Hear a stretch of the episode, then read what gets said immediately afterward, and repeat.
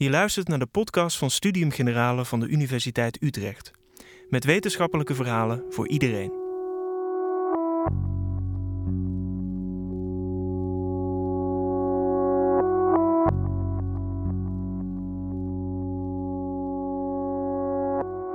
Modieuze kleding voor een spotprijsje? Wie tegenwoordig trendy wil zijn, hoeft niet diep in de buidel te tasten. Maar we weten inmiddels ook dat een shirt van 3 euro zelden goed is voor mens en milieu. Kledingfabrieken buiten hun medewerkers uit en voor de textielproductie worden gigantische hoeveelheden water gebruikt. Somo-onderzoeker Martje Theus deed onderzoek in de kledingfabrieken van Myanmar en vertelt over de verborgen impact van je spijkerbroek. Wat is er mis met de fashion-industrie?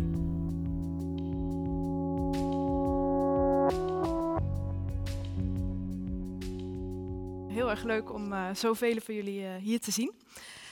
Um, ja, ik denk dat velen van jullie uh, je wel eens hebben afgevraagd waar de kleren die je draagt vandaan komen en onder wat voor omstandigheden ze geproduceerd zijn. Of misschien ben je wel eens op zoek gegaan naar duurzame alternatieven. En in die zoektocht, ja, ben je er wellicht op gestuurd dat dat nog niet zo eenvoudig is.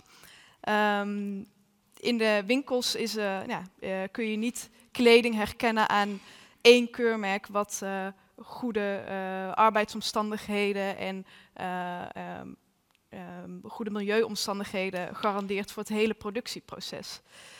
Um, en ook horen we steeds maar weer over misstanden in de kledingindustrie. Instortende fabrieken, kinderarbeid, moderne slavernij. steeds maar weer komen er dat soort berichten naar buiten. Terwijl grote kledingmerken vaak allerlei mooie praatjes hebben over hoe duurzaam zij wel niet uh, handelen. Uh, nou, met dat soort vragen hou ik mij dagelijks bezig bij, uh, bij SOMO. en ook voor mij is het niet eenvoudig om duurzame kleding te vinden. Ik wil jullie daarom vandaag ook meenemen nou, in het komende uur. Ehm, ja, wil ik jullie wat vertellen over hoe dat nou komt, dat dat soort misstanden toch maar steeds weer naar boven komen. Um, en dat ga ik doen aan de hand van uh, een van onze meest recente onderzoeken naar kledingproductie productie in Myanmar. Um, voordat ik dat doe, nog even een paar woorden over uh, de organisatie waarvoor ik werk. SOMO, Stichting Onderzoek Multinationale Ondernemingen. Een uh, non-profit organisatie, onderzoeksorganisatie. zoals Laura al aangaf, wij kijken naar de impact van bedrijven op mens en milieu. Uh, en dat doen we in verschillende sectoren. Dus, mijnbouw, elektronica, farmaceutische industrie, landbouw, uh, noem het maar op. en ook kijken we naar de context waarbinnen bedrijven opereren. Um, dus we kijken naar wet en regelgeving of juist het gebrek daaraan, handels- en investeringsverdragen, um, internationale normen en standaarden en de impact en effectiviteit daarvan. Uh, en bij uh, SOMO zijn verschillende nou, experts uh, werkzaam. We hebben fiscale onderzoekers die jaarverslagen uitpluizen en kijken hoe het zit met ja, de belastingpraktijken van bedrijven. er zijn ook onderzoekers die gespecialiseerd zijn in het ja, nagaan van hoe complexe bedrijfsstructuren in elkaar zitten. Uh, en zelf um, heb ik me toegelegd op het doen van onderzoek in samenwerking met uh, partnerorganisaties in productielanden, waarbij we kijken naar de werkelijke omstandigheden in, uh, in fabrieken. Um, het onderzoek dat wij doen noemen we ja, actiegericht onderzoek. En dat betekent dat het altijd gekoppeld is aan een opvolgingsstrategie. en daarvoor zoeken we altijd de samenwerking met andere maatschappelijke organisaties en vakbonden. Um, dat kunnen zijn consumentenorganisaties, mensenrechtenorganisaties, milieuorganisaties, maar ook organisaties van duurzame beleggers. En op basis van dat onderzoek uh, gaan we kijken ja, hoe we daarvoor uh, uh, voor kunnen zorgen dat we bedrijven en overheden aanspreken. en dat kan zijn door het voeren van campagne, of het aangaan van een dialoog, onderhandelingen of het indienen van, van klachten.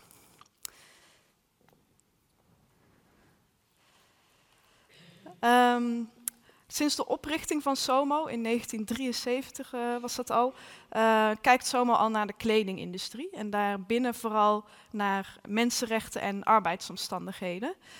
Uh, en als we die industrie een, ja, een beetje onder de loep gaan nemen, dan zien we dat nou, de productieketen van kleding is, is lang en complex.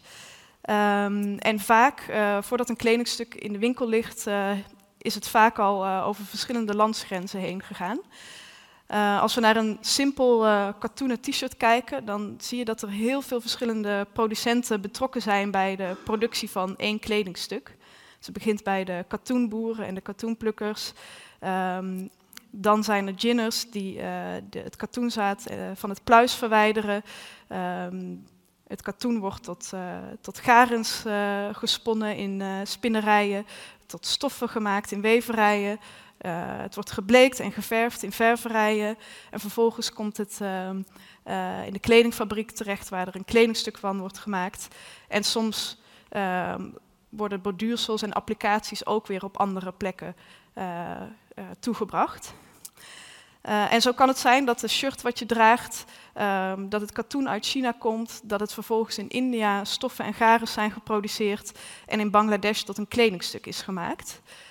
maar dat dat zie je niet in het label. Het label zegt hooguit uh, land, ja, made in India, made in Bangladesh. Dat is het land waar het eindproduct is gemaakt. Maar het hele proces wat daarvoor zit, nou dat is onduidelijk waar dat gebeurd is. En vooral ook onder wat voor omstandigheden dat gebeurd is. Uh, er zijn nog maar een paar kledingmerken die, uh, die zelf kleding produceren. De meeste merken die leggen zich toe op design, marketing en verkoop, maar besteden het hele productieproces uit. en die productie die vindt met name plaats in lage lonenlanden. Um, en in die landen is er een heel groot aanbod van producenten. Het is relatief makkelijk om een kledingfabriek of een naaiatelier op te zetten. Je hebt naaimachines nodig en vooral veel uh, ongeschoolde arbeiders. Um, maar de kosten zijn, zijn niet, niet heel groot. Dus er hoeven niet, geen grote investeringen gedaan te worden. Uh, en daarom zijn er heel veel producenten in allerlei soorten en maten van kleine ateliers bij mensen thuis tot enorme fabrieken. en die concurreren allemaal met elkaar, wat de winstmarges drukt. Aan de andere kant van de keten, de kant van de merken en de retailers, daar zien we um, een toenemende concentratie. Er zijn een aantal gigantische spelers die deze sector domineren. Um, denk daarbij aan H&M, het Spaanse Inditex, waar uh, onder andere Zara, maar nog tig andere merken onder vallen. VF Corporation is een heel groot bedrijf met talloze merken. Um, eigenlijk als je door de grote winkelstraten loopt, het merendeel van de winkels die behoren allemaal tot drie verschillende ketens toe. En in de afgelopen jaren hebben we bijvoorbeeld ook gezien dat veel Nederlandse ketens failliet zijn gegaan, omdat die het niet meer redden. En nou, die concentratie van die paar grote bedrijven, dat, nou, dat is alleen maar, neemt alleen maar meer toe. En die uh, enorme bedrijven die hebben ook een enorme inkoopmacht en bepalen daarmee eigenlijk hoe het in die hele keten aan toe gaat. Um, door de, zij bepalen eigenlijk, nou, zij bepalen de prijs die ze betalen en hoe snel er geleverd moet worden. En de producent heeft eigenlijk ja, weinig onderhandelingsmacht. er zijn nog een aantal andere belangrijke trends. Laura noemde het al in haar introductie, fast fashion bedrijven. Um, nou binnen een aantal jaar tijd zijn we gegaan van twee collecties per jaar, een zomer- en een wintercollectie, naar winkels die wekelijks, maar soms zelfs dagelijks uh, hun um, items veranderen. Dus collecties wisselen continu. En de bedrijven die het meest succesvol zijn, zijn de bedrijven die dat het snelst weten te doen. Die het snelst de nieuwste trends naar de winkelschappen weten te vertalen. En er is dus ook een hele grote druk om dat hele productieproces, om dat maar steeds maar weer te verkorten, zodat uh, die nieuwe items zo snel mogelijk in de, in de winkels terechtkomen. En die, dat fast fashion dat is niet alleen iets van de goedkopere ketens, uh, ook steeds meer luxe merken en designers gaan over tot veel meer uh, collecties per jaar. Dus het is een trend die uh, ja, nog lang niet voorbij is en nou, alleen maar groeiende is. Ehm, en behalve dat, dat, nou, dat die uh, collecties steeds meer uh, wisselen, um, dat, ja, dat, dat er steeds meer uh, nieuw aanbod in winkels is, zijn we ook minder gaan betalen voor kleding. volgens het CBS betalen we minder per kledingstuk, maar geven we in totaal wel meer uit aan kleding. Dus dat betekent dat we meer kleding kopen en dat we er minder per stuk voor betalen. En die kleding die we kopen, die is ook qua kwaliteit achteruit gegaan. Um, veel van de, van de populaire fast fashion bedrijven uh, maken kleding die niet bedoeld is om heel erg lang mee te gaan. Uh, je draagt het een paar keer en je gooit het weer weg. Um, ik ga het vandaag vooral hebben over, uh, over sociale omstandigheden, over arbeidsrechten en mensenrechten. maar die gigantische productie van kleding, dat heeft ook hele andere negatieve effecten. Um, dus productie van kleding neemt heel veel grond en, uh, en water in beslag. En de groeiende textielafvalberg die we met z'n allen creëren, uh, leidt ook weer tot allerlei problemen. En nou, mooie praatjes ten spijt van grote ketens als H&M, die acties hebben waarbij je afgedankte kleding in de winkel kunt inleveren met de belofte dat zij het gaan recyclen. Um, ja, dat klinkt heel mooi, maar de technologie is eigenlijk nog niet zo ver. En de type kleding die H&M de, de wereld instuurt, is eigenlijk uh, van, vaak van gemengd materiaal en van een lage startkwaliteit qua vezels. En dat valt eigenlijk helemaal niet goed te recyclen. Um, dus um, nou, dat wordt gepresenteerd als een soort oplossing maar in feite, je krijgt ook een kortingsbon mee bij die uh, uh, tas die je inlevert. En dat is natuurlijk bedoeld zodat je weer iets nieuws gaat aanschaffen. Um, dus de vraag is hoe duurzaam dat soort uh, acties zijn. een andere trend is dat de online verkoop ook, ook steeds toeneemt. en dat, dat geeft ook weer additionele druk op die prijs omdat consumenten zijn uh, makkelijk in staat om voor de laagste prijs te zoeken. Uh, dus dat geeft weer extra druk om zo, voor zo uh, laag mogelijke prijs te produceren. Nee, die grote druk op, op snelle levering en lage prijzen, um, die leidt tot arbeidsrechten schendingen. Het heeft een, direct, ja, directe link met lage lonen, ehm, lange werkdagen, kinderarbeid, uh, fabrikanten die niet voldoende financiële ruimte hebben om te investeren in de veiligheid van hun gebouwen. Uh, en het leidt um, ook nog tot, tot, andere praktijken, namelijk dat er binnen die keten een hoge mate van verdere uitbesteding en onderaanneming is. Um, fabrikanten die staan onder hoge druk om uh, orders op tijd af te hebben. Uh, zo niet, dan, uh, dan zitten er grote uh, boeteclausules aan verbonden. dus wat doen zij om die orders op, op, tijd af te hebben? Schakelen zij vaak weer andere fabrikanten in, die het natuurlijk weer voor nog wat goedkoper moeten weten te doen. En op die manier worden er allerlei nou ja, schimmige ehm, naaiateliers, thuiswerkplaatsen in de ketens van, van merken opgenomen zonder dat zij dat vaak weten.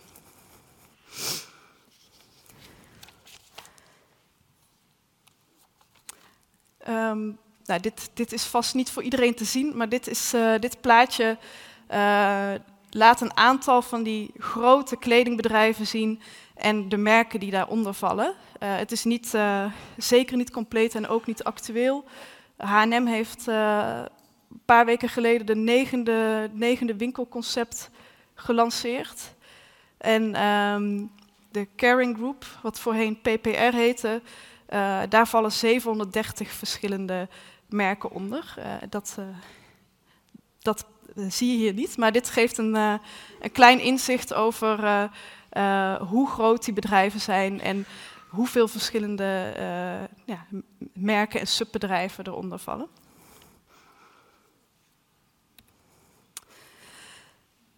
Nou prijs is dus heel erg belangrijk, uh, lage productieprijs.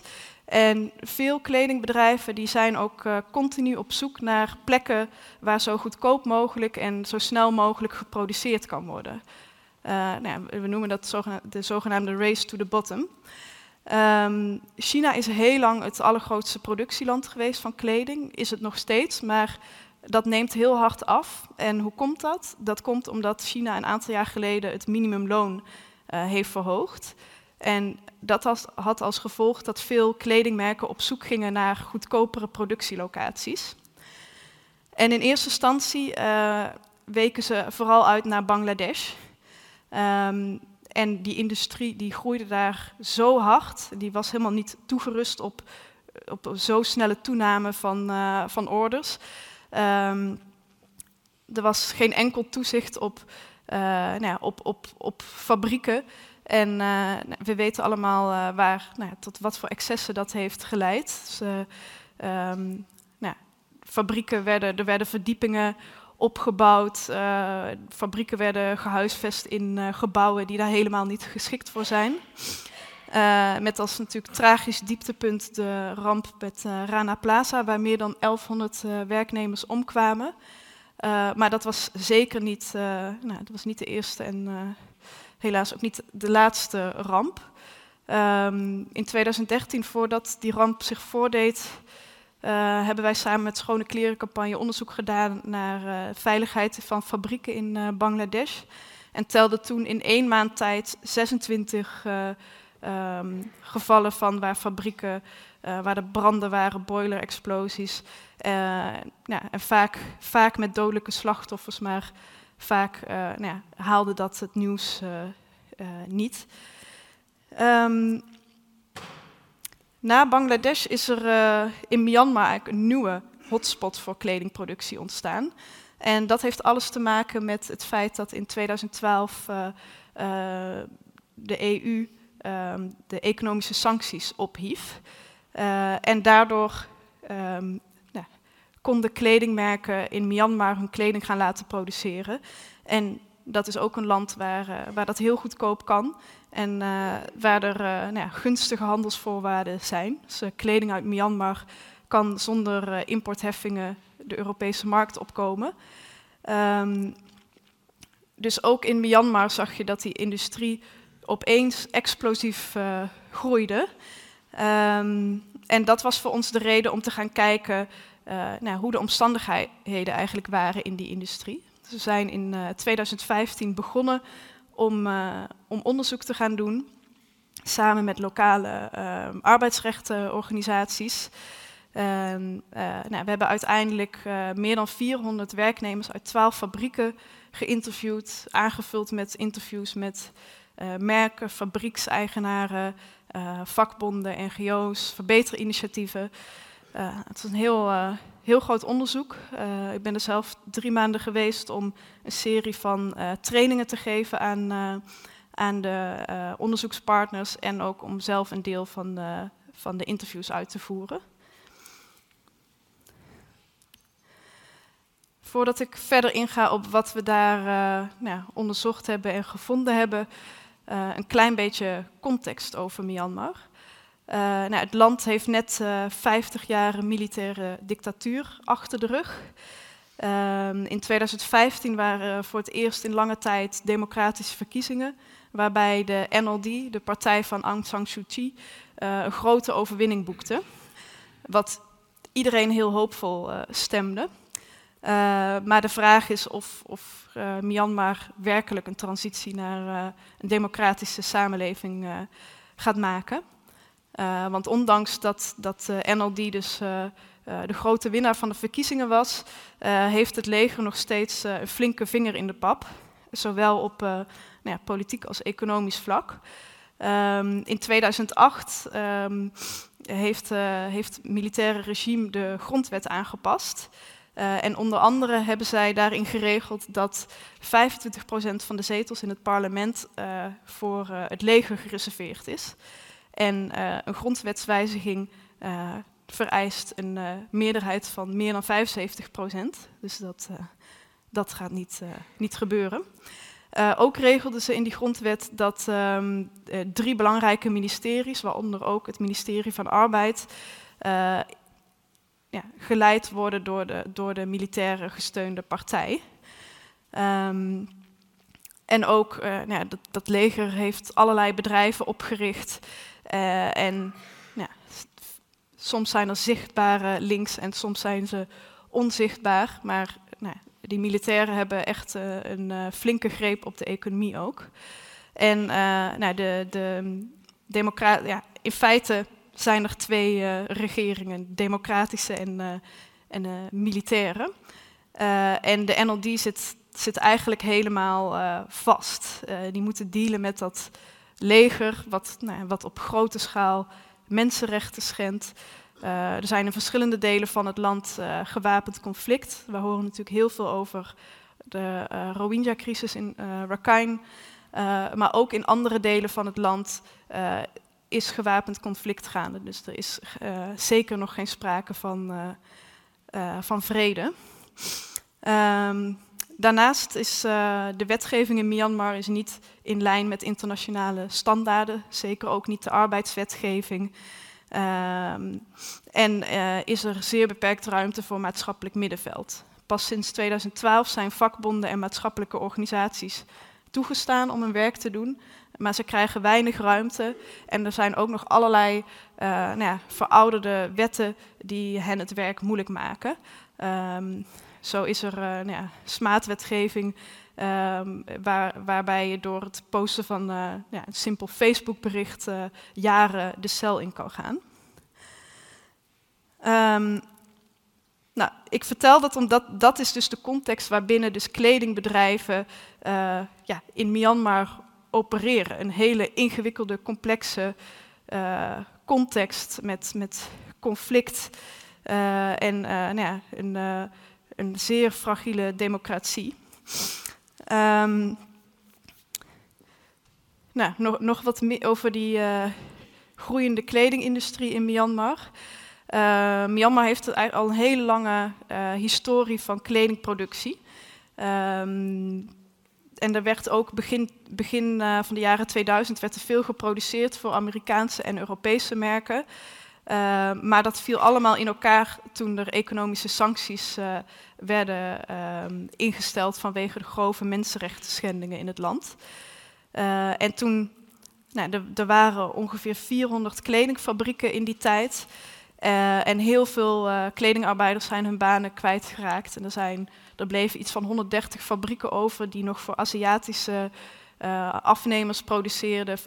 Die uit landen waar die geen sancties hadden ingesteld. Um, ja, en inmiddels is het plaatje heel anders. inmiddels zijn er iets van 500 kledingfabrieken. Het gaat heel erg hard. In een paar jaar tijd is het aantal fabrieken verdrievoudigd. En nou, ook het aantal werknemers groeit, groeit heel erg hard. Um, en inmiddels heeft de Europese Unie uh, Japan voorbijgestreefd als de belangrijkste afzetmarkt. Dus van alle kleding die in Myanmar geproduceerd wordt, komt het meeste hier terecht. En Nederland is ook, nou, ook een belangrijke afnemer. Um, nou, die fabrieken in Myanmar die zijn eigenlijk grotendeels in handen van buitenlandse eigenaren. Dus dat zijn Chinese, Koreaanse, Taiwanese, uh, fabrikanten, uh, die vaak nou, onder druk van hun afnemers, dus de westerse kledingmerken, fabrieken hebben opgezet in Myanmar om daar goedkoper te kunnen produceren. En de regering van Myanmar wil ook graag dat soort investeringen aantrekken, dus biedt buitenlandse investeerders allerlei belastingvoordelen en andere voordelen. Um, en uh, zo is die, die hele industrie daar eigenlijk in buitenlandse handen. En je kunt je afvragen of, nou, of dat wel heel veel bijdraagt aan de lokale economische ontwikkeling. Um, nou, die, het land uh, waar die fabrieken op zijn gebouwd, daar zijn vaak ja, nog onopgeloste conflicten tijdens, militaire, tijdens het militaire regime is er op hele grote schaal is er, ja, land afgenomen van mensen. Dus veel rijstboeren moesten wijken voor, voor die fabrieken en zijn nooit gecompenseerd. Um, dus dat zijn oude landconflicten, maar er zijn ook nieuwe landconflicten. Omdat die industrie zich zo snel aan het uitbreiden is, worden er nu ook op, uh, in rap tempo uh, speciale economische zones uh, gebouwd. Eh, en dat gebeurt vaak ook op, nou ja, op een manier waarop mensen van hun land worden verdreven, zonder dat daar enige compensatie tegenover staat. Um, dan is het ook nog zo dat nou, je hebt een aantal grote militaire conglomeraten die actief zijn in allerlei sectoren en soms dus ook kledingfabrieken hebben. Um, maar er zijn ook uh, ja, minder zichtbare links uh, met, met het leger. Um, buitenlandse investeerders kunnen geen gebouwen of grond bezitten, moeten dat huren. En nou, het kan dus zijn dat het land of de fabrieksgebouwen uh, dat die in handen zijn van militairen. En zo is er nou, niet, uh, wellicht uh, nou, niet een heel directe link, maar toch kun je zo als westers kledingmerk ongewild en onbedoeld um, ja, de militairen steunen die op grote schaal mensenrechten schenden.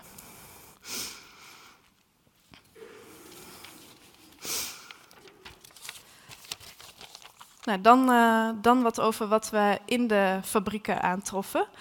Um, nou, de, de, mensen die in de fabrieken werken, dat zijn met name jonge vrouwen. Um, er is een ja, grote voorkeur uh, voor jonge vrouwen. Uh, boven de 35 uh, nou, tel je eigenlijk niet meer mee. dus dan, dan wordt het heel erg moeilijk om een, om een baan te vinden. Uh, en veel, uh, veel van de arbeiders in die kledingfabrieken zijn migranten. Uh, zij komen uit rurale gebieden waar nou, geen, weinig werkgelegenheid is, of soms uit nou, gebieden in Myanmar waar conflict heerst. En komen vooral naar Yangon, waar het grootste deel van die industrie zich, ja, waar de grootste deel van de industrie plaatsvindt. Um, komen daar op zoek naar, naar werk. Um, en nou, wat we verder zien is dat het voor, uh, voor moslimvrouwen moeilijk is om werk te krijgen in deze fabrieken. Er zijn veel spanningen in Myanmar uh, tussen de boeddhistische meerderheid en de moslimminderheid. En uh, dat leidt er ook toe dat, het, nou, dat fabrikanten willen die spanningen niet op hun werkvloer hebben. daardoor is het moeilijk voor moslimvrouwen om, om werk in deze sector te vinden. Uh, nou ja, wat, uh, nou, wat, jullie, wat, jullie, niet onbekend zal voorkomen, wat, wat, we eigenlijk in alle landen tegenkomen, is dat uh, lonen absolute hongerlonen zijn. Myanmar heeft in 2015 voor het eerst een minimumloon ingevoerd. En dat ligt omgerekend op ongeveer 2 euro per dag. en dat is ook daar zeker niet genoeg om, om van te leven. Um, nou, uh, en dat loon is dus al heel erg laag, maar wat we in ons onderzoek tegenkwamen is ook dat fabrikanten er alles aan doen om daar toch nog onder te gaan zitten.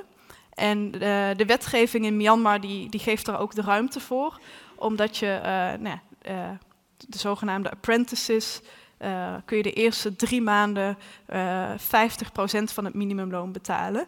En als je op, in je proefperiode, dat is van drie tot zes maanden van je dienstverband, uh, kun je 75% van het minimumloon krijgen. Uh, en nou, doordat er van die loopholes in de wet zitten, um, wordt er op allerlei manieren misbruik van gemaakt. Uh, dus als jij als, als kledingarbeider, als je nou, wilt wisselen van, van fabriek, als je ergens anders aan de slag wilt gaan, dan begin je weer op nul. Ook al heb je al tien jaar ervaring, dan, dan begin je dus weer met die 50 of 75 procent van het minimumloon. Um, en uh, veel fabrikanten die um, uh, gingen ook de arbeiders ontslaan nadat ze, nou, nadat ze die zes maanden hadden volgemaakt en recht hebben op 100 procent van het minimumloon. of juist mensen niet meer op een contract aannemen, maar als dagarbeiders. Nou, allerlei manieren om onder dat minimumloon uit te komen. Ehm, en daarnaast zijn er allerlei inhoudingen. Dus voor allerlei kleine overtredingen. En een overtreding kan al zijn te vaak naar de wc gaan of praten onder het werk. Uh, zijn er inhoudingen op dat loon. Uh, en hetzelfde geldt voor als je een dag mist. Ook als je ziek bent. Uh, omdat nou, er een ingewikkeld systeem is waarbij je een social security pas moet hebben om officieel bij een arts uh, ziekteverlof aan te vragen. Uh, nou, uh, werknemers krijgen zo'n pas niet, dus kunnen dat hele formele proces niet, nou, niet doorgaan. en vervolgens worden ze gekort op hun salaris omdat, ze, omdat ze een dag gemist hebben. Um, wat we ook tegenkwamen was excessief en gedwongen overwerk. hele lange werkdagen eh, 12 uur of langer. En zeker als een, een order, nou, als de deadline voor de verscheping in de buurt kwam, dan, dan liep het soms heel erg uit de hand. Dat nou, soms tot wel 20 uur achter elkaar doorgewerkt moest worden om die orders maar op tijd de fabriek uit te krijgen. Um, nou, vaak, vaak geen contracten. Uh, of uh, er wordt wel iets getekend, maar arbeiders weten niet wat ze getekend hebben, krijgen geen kopie mee. dus nou, hebben niks waarop hun, ja, hun rechten op papier staan. Ehm, onveilige en ongezonde omstandigheden ehm, nou, verschilden een beetje per fabriek. Er zijn fabrieken, nou, zijn oude fabrieksgebouwen die het vaak niet heel goed aan toe zijn. Uh, maar er zijn ook nieuwere fabrieken waar het qua veiligheid uh, beter is. Waar in ieder geval nou ja, het gebouw in orde is en uh, nou, geschikt is om daar een fabriek in, nou, in te huizen. maar het probleem is vervolgens hoe die fabriek wordt ingericht. Dus vaak is het veel te vol, zitten de mensen te dicht op elkaar, staat het vol met, met dozen en worden uitgangen geblokkeerd. Uh, en dat, dat, nou, dat, kan tot grote risico's leiden als er, uh, als er een brand uitbreekt. Nou, wat een paar weken geleden nog in een van de fabrieken gebeurd is. Um, verder is het, nou, er zijn allerlei problemen in die fabrieken, maar het is heel erg moeilijk voor werknemers om ja, om daar iets aan te doen, om een recht te claimen of om ergens te klagen. Um, er zijn nog nauwelijks vakbonden en de vakbonden die het zijn, die worden het heel erg moeilijk gemaakt. Um, in heel veel fabrieken waar uh, arbeiders proberen om zich te organiseren in een vakbond, worden de leiders uh, van zulke initiatieven ontslagen. En vaak ook op een zwarte lijst gezet, waardoor ze niet meer in andere fabrieken aan de slag kunnen gaan. En ook nou, verder zijn er weinig mogelijkheden om, om ergens terecht te kunnen met je, met je klachten. Uh, nou, wat ik als laatste wilde aanstippen is het probleem van kinderarbeid. Um, nou, dat, dat kennen we wel uit de kledingindustrie, maar in veel landen zoals in India en Bangladesh um, is dat in de fabrieken die direct voor westerse merken werken, is dat grotendeels teruggedrongen. En dat betekent niet dat het probleem opgelost is, dat betekent vooral dat het probleem zich verplaatst naar ja, uh, fases in de keten die minder zichtbaar zijn, of die dieper de keten in. Uh, maar in Myanmar zien we dat ook in de fabrieken die direct leveren aan uh, westerse mer merken, dat er veel kinderarbeid is. En dan gaat het zowel om kinderen tussen de 14 en 18 die wel mogen werken, maar voor een beperkt aantal uur per dag. Nou, dat, dat, dat gebeurt niet. Iedereen die in zo'n fabriek werkt, maakt nou, even lange uren als, uh, als het rest. Maar ook uh, ja, kinderen onder de jonger dan 14, 11, 12, 13 jaar, die nou, volgens internationale normen, maar ook niet volgens de Myanmar-wetgeving, absoluut niet mogen werken. Um, nou, dat, dat gebeurt ook in de fabrieken. Um, nou, dit, dit, is een foto uit een van de fabrieken. En dit is, uh, dit is een foto van uh, nou, hoe veel van die migranten leven. Uh, in Yangon, waar dus de meeste migranten terechtkomen, reizen de huren de pan uit. Er is echt een enorm gebrek aan betaalbare woningen. en heel veel kledingarbeiders die, nou, die, die, die, die komen op dit soort plekken terecht. Vaak nou, zijn dat squatter areas, dus nou, ze zetten ergens een hutje neer, vaak zonder, zonder elektriciteit of stromend water. En ook nog met het risico dat ze op een dag nou, dat ze worden gevraagd om, om te vertrekken.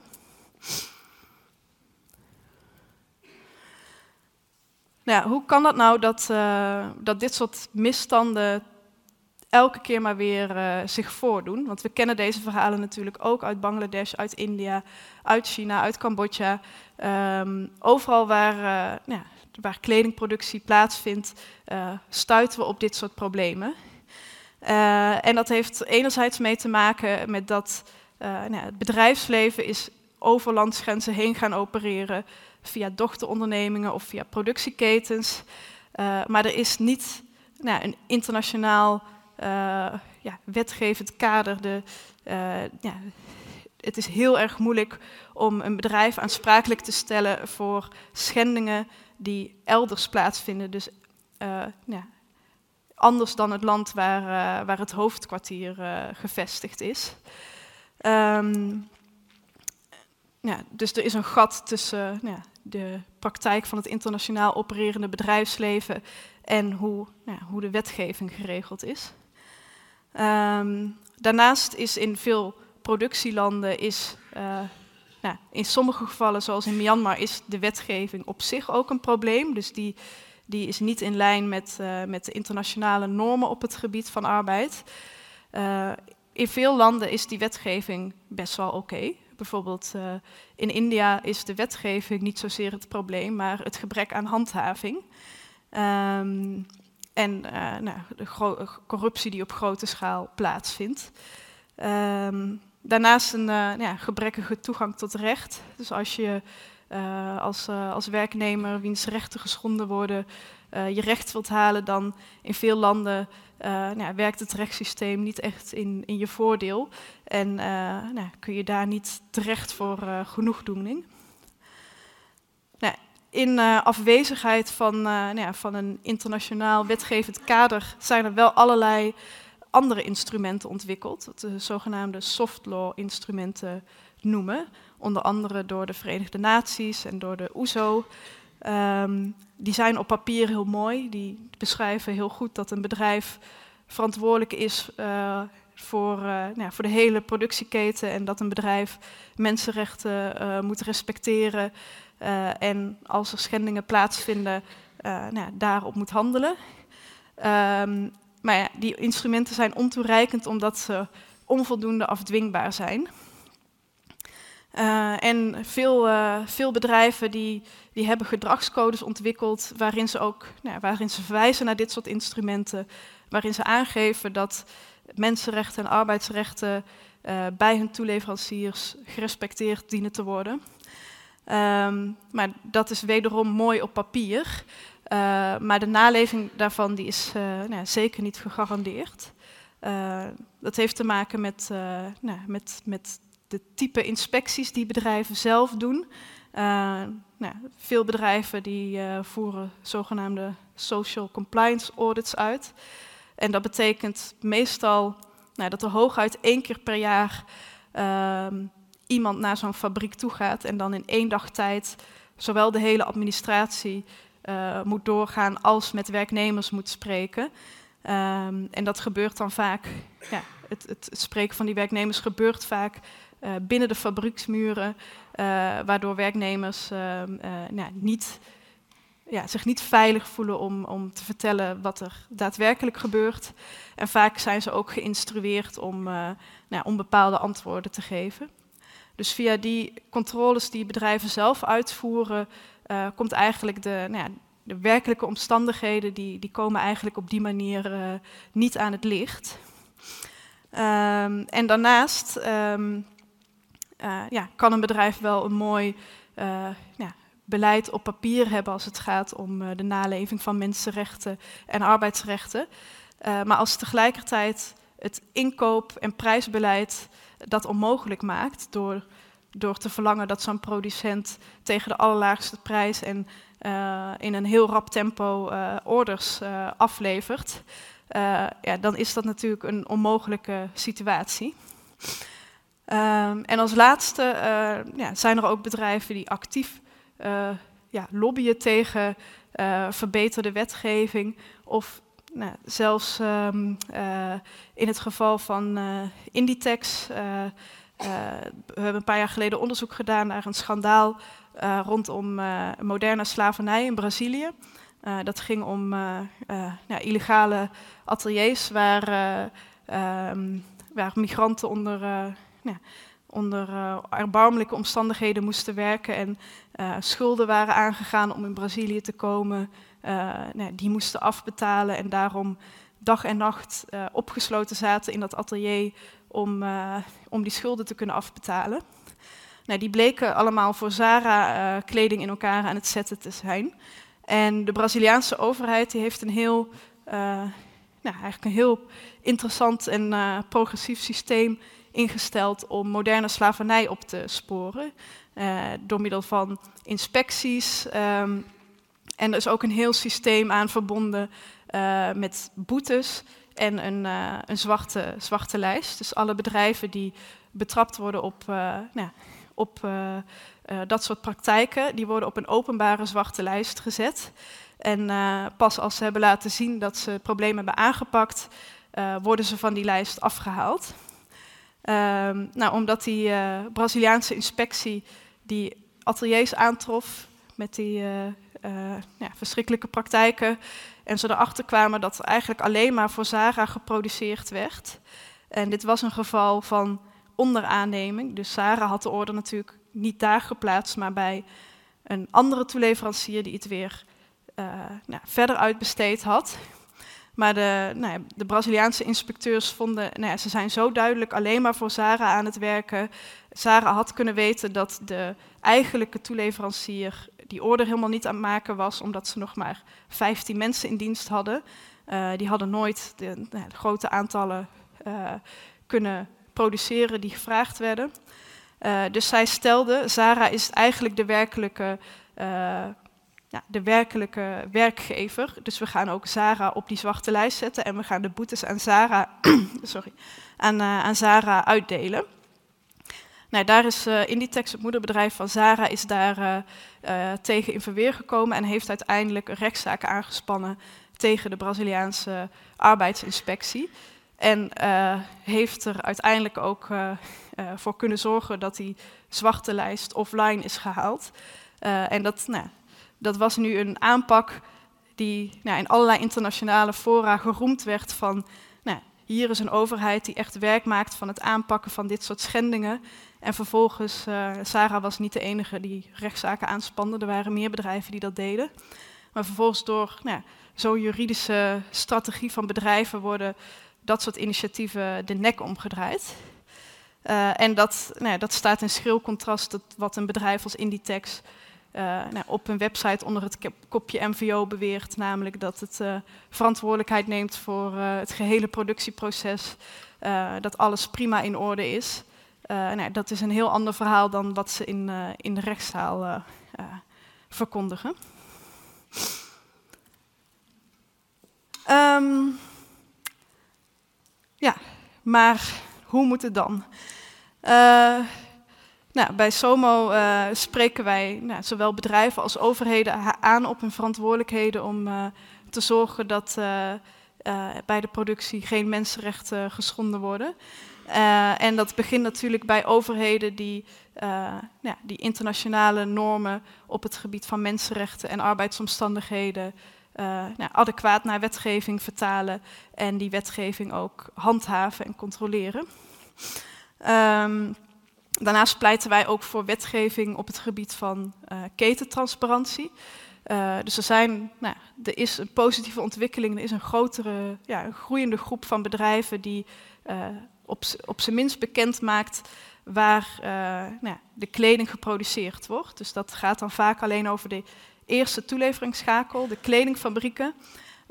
maar dat is heel belangrijk dat bedrijven dat openbaar maken, zodat ehm, nou, als je als werknemer ja, tegen problemen aanloopt, dat je weet waar je kan aankloppen. Omdat je vaak met het lokale management ja, komt het niet op een oplossing, omdat de daadwerkelijke macht uh, toch bij die grote merken en, en retailers ligt.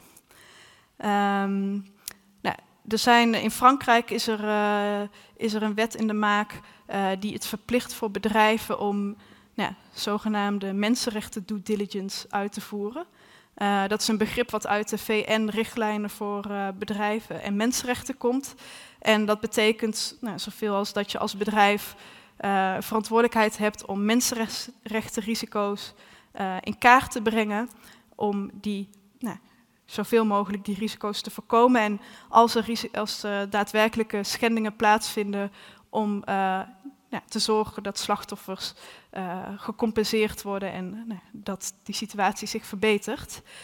Um, dus dat is een begrip wat in die nou, internationale richtlijnen die niet afdwingbaar zijn voorkomt, maar wat Frankrijk nu in, in wetgeving uh, gaat gieten. Nou, ook een interessante ontwikkeling. maar uiteindelijk is het, nou, is het nodig dat bedrijven ja, juridisch aansprakelijk kunnen worden gesteld voor schendingen in hun productieketens of bij hun uh, dochterondernemingen. Um, maar zover uh, zijn we nog niet. Er is nu wel op VN-niveau zijn er uh, onderhandelingen over een VN-verdrag in zaken bedrijven en mensenrechten. Maar dat gaat nog een lang en, en, moeilijk proces worden. Um, en in de tussentijd nou, vinden wij bij SOMO dat, nou, dat bedrijven uh, bindende afspraken aan zouden moeten gaan. Dus nou, om weg te gaan van die uh, uh, vrijwilligheid en zelfregulering die, nou, die tot, niet, tot niet veel heeft geleid. En nou, er is één interessant voorbeeld al van nou, waar bedrijven met vakbonden bindende afspraken zijn aangegaan. En dat is het uh, ja, het zogenaamde Bangladesh Veiligheidsakkoord. Dat is uh, uh, na die grote ramp in 2013 ehm, is dat tot stand gekomen. en dat is een van de eerste initiatieven ja, waar, waar bedrijven dus niet alleen zeggen van nou wij gaan vrijwillig aan verbetering werken, maar waar ze dus echt bindende afspraken aangaan. En als ze zich niet aan die afspraken houden, dan kunnen ze uh, nou ja, voor de uh, arbitragerechter gesleept worden. Uh, dat is laatst gebeurd. het is met twee bedrijven zijn voor de rechter gedaagd omdat ze de voorwaarden van dat akkoord niet naleefden. En met één bedrijf is het inmiddels tot een schikking gekomen.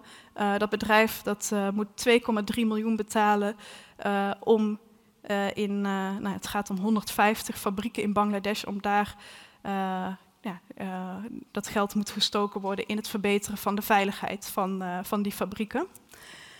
Um, nou, er zijn allerlei interessant, interessante uh, componenten van dat akkoord. daarin is ook afgesproken dat nou, er zijn meer dan 200 merken zijn daarbij aangesloten. er worden echt grondige inspecties uitgevoerd bij al hun toeleveringsfabrieken. nou, door echte mensen die daar verstand van hebben. Dus nou, die gebouwveiligheid en brandveiligheid.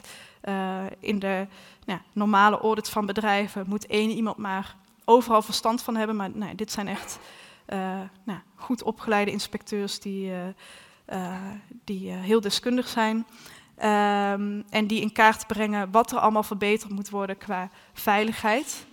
als zo'n fabriek niet veilig blijkt te zijn, dan moet die ook tijdelijk gesloten worden als het echt levensgevaarlijke omstandigheden zijn. En uh, dat akkoord dat stelt ook dat uh, de merken ook uh, financieel moeten bijdragen aan al die renovaties en verbeteringen. dus dat is nou, een heel interessant en positief stemmend initiatief, maar natuurlijk alleen nog maar gericht op Bangladesh en op veiligheid van gebouwen. En er zijn natuurlijk talloze andere issues die ook aangepakt moeten worden. Maar dat geeft wel aan dat het dus kan. Dat het dus bedrijven, uh, ja, uh, dat je bindende afspraken kunt aangaan en uh, dat er op die manier aan verbetering gewerkt kan worden. dus dat, nou, dat, dat stemt positief en hopelijk breidt het zich uit naar andere landen en andere issues. En uiteindelijk moeten bedrijven natuurlijk ook nou ja, de milieu- en sociale kosten in hun prijsbeleid gaan internaliseren. Dus, ze moeten een eerlijke prijs gaan betalen en uh, nou, die, die alle kosten die met uh, productie te maken hebben omvat. Um, nou ja, omdat uh, Niels van Rankerbrand hier helaas niet kon zijn, ga ik heel kort even in op nou ja, wat, wat je dan als consument kan doen. En daarbij wil ik wel eerst zeggen dat primair de verantwoordelijkheid natuurlijk ligt bij de overheden en bedrijven. En nou, ik vind het onethisch om van een consument te verwachten dat je in de winkel een keuze moet maken tussen een product waar, ja, waar misschien kinderarbeid of andere schendingen aan te pas is gekomen. Uh, nou, met dat soort keuzes zou je in de winkel niet geconfronteerd moeten worden. Uh, en laat staan dat je het überhaupt kan achterhalen, want dat, uh, dat is heel ingewikkeld. Um, maar ja, zover is het natuurlijk nog niet dat, dat de winkelschappen vrij zijn van producten uh, die met schendingen tot stand zijn gekomen. Uh, en in die tussentijd zijn er natuurlijk dingen die je, die je wel kunt doen en allerlei interessante informatiebronnen. zoals bijvoorbeeld nou ja, die van heel veel bedrijven um, ja, op een rij heeft gezet hoe zij scoren op allerlei verschillende thema's, dus, sociaal, milieu, uh, nou ja, heel breed scala aan thema's worden bedrijven gerankt. Um, en je kunt ook via die website bedrijven aanspreken uh, of zelf actief worden als, als ranker. Uh, dan is er de Fairware Foundation, een Nederlands initiatief. daar zijn een, ik geloof meer dan 80 merken bij aangesloten en uh, vakbonden, NGO's. Uh, het is een verbeterinitiatief. Um, een van de meest nou, strengere initiatieven die er zijn op dit gebied. Maar daarbij wel opgemerkt dat dat alleen maar gaat over arbeidsomstandigheden en alleen maar over de eerste toeleveringsschakel, dus over de kledingfabrieken. En dat is bij veel, uh, veel verbeterinitiatieven in de kledingindustrie richten zich of op één schakel of op uh, nou ja, dan wel milieu, dan wel arbeidsomstandigheden. En dat komt natuurlijk ook omdat die keten zo complex is. Uh, het is natuurlijk enorm ingewikkeld om alles aan te pakken. Um, maar nou ja, dit, dit, initiatief richt zich dus op het verbeteren van arbeidsomstandigheden. En nou, je kunt op de website zien welke merken zich daar allemaal bij hebben aangesloten. nou, dan het, ligt natuurlijk aan uh, nou ja, uh, wat, je, wat je belangrijk vindt. Minder kopen is natuurlijk ook geen slecht idee. en er zijn ook allerlei initiatieven zoals kledingbibliotheken of kledingruilfeestjes nou ja, om, om mensen aan te sporen om minder te kopen of langer met kleding te doen of op andere manieren aan ja, toch iets nieuws te kunnen dragen. Uh, Schone Klerencampagne. Uh, het is een campagneorganisatie. SOMO is daar ook lid van, zelfs medeoprichter van. Nou, voeren campagne voor betere arbeidsomstandigheden in, omstandigheden in de kledingindustrie. en ook ondersteunen ook arbeiders en arbeidsrechtenorganisaties en vakbonden als, nou, als er problemen in fabrieken zijn, geschillen. nou, zij onderhandelen, soms achter de deuren, maar soms openbaar met kledingmerken om tot een oplossing te komen in die, in die gevallen. Nou, op hun website vind je ook nou, heel veel informatie, ook tips over ja, waar je duurzamere kleding kunt kopen of hoe je duurzame keuzes kunt maken. En ook allerlei ja, tips om, om zelf in actie te komen, om bedrijven aan te spreken. Dan wel door in de winkel vragen te stellen of e-mails te sturen. Of nou, op allerlei manieren bedrijven te laten weten nou, dat je het belangrijk vindt dat kleding onder goede omstandigheden gemaakt wordt. en nou, dus het lijkt misschien als je dat in je eentje doet uh, zinloos, maar als maar zoveel mogelijk mensen dat doen, uh, dan, uh, dan heeft het uiteindelijk effect, hopelijk. Um, ja, dit was, dit was mijn verhaal. Dank jullie wel.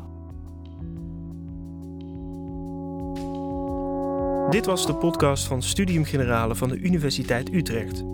Wil je meer lezingen luisteren? Check dan de playlist op Spotify en iTunes. Of ga naar onze website sg.uu.nl/podcast.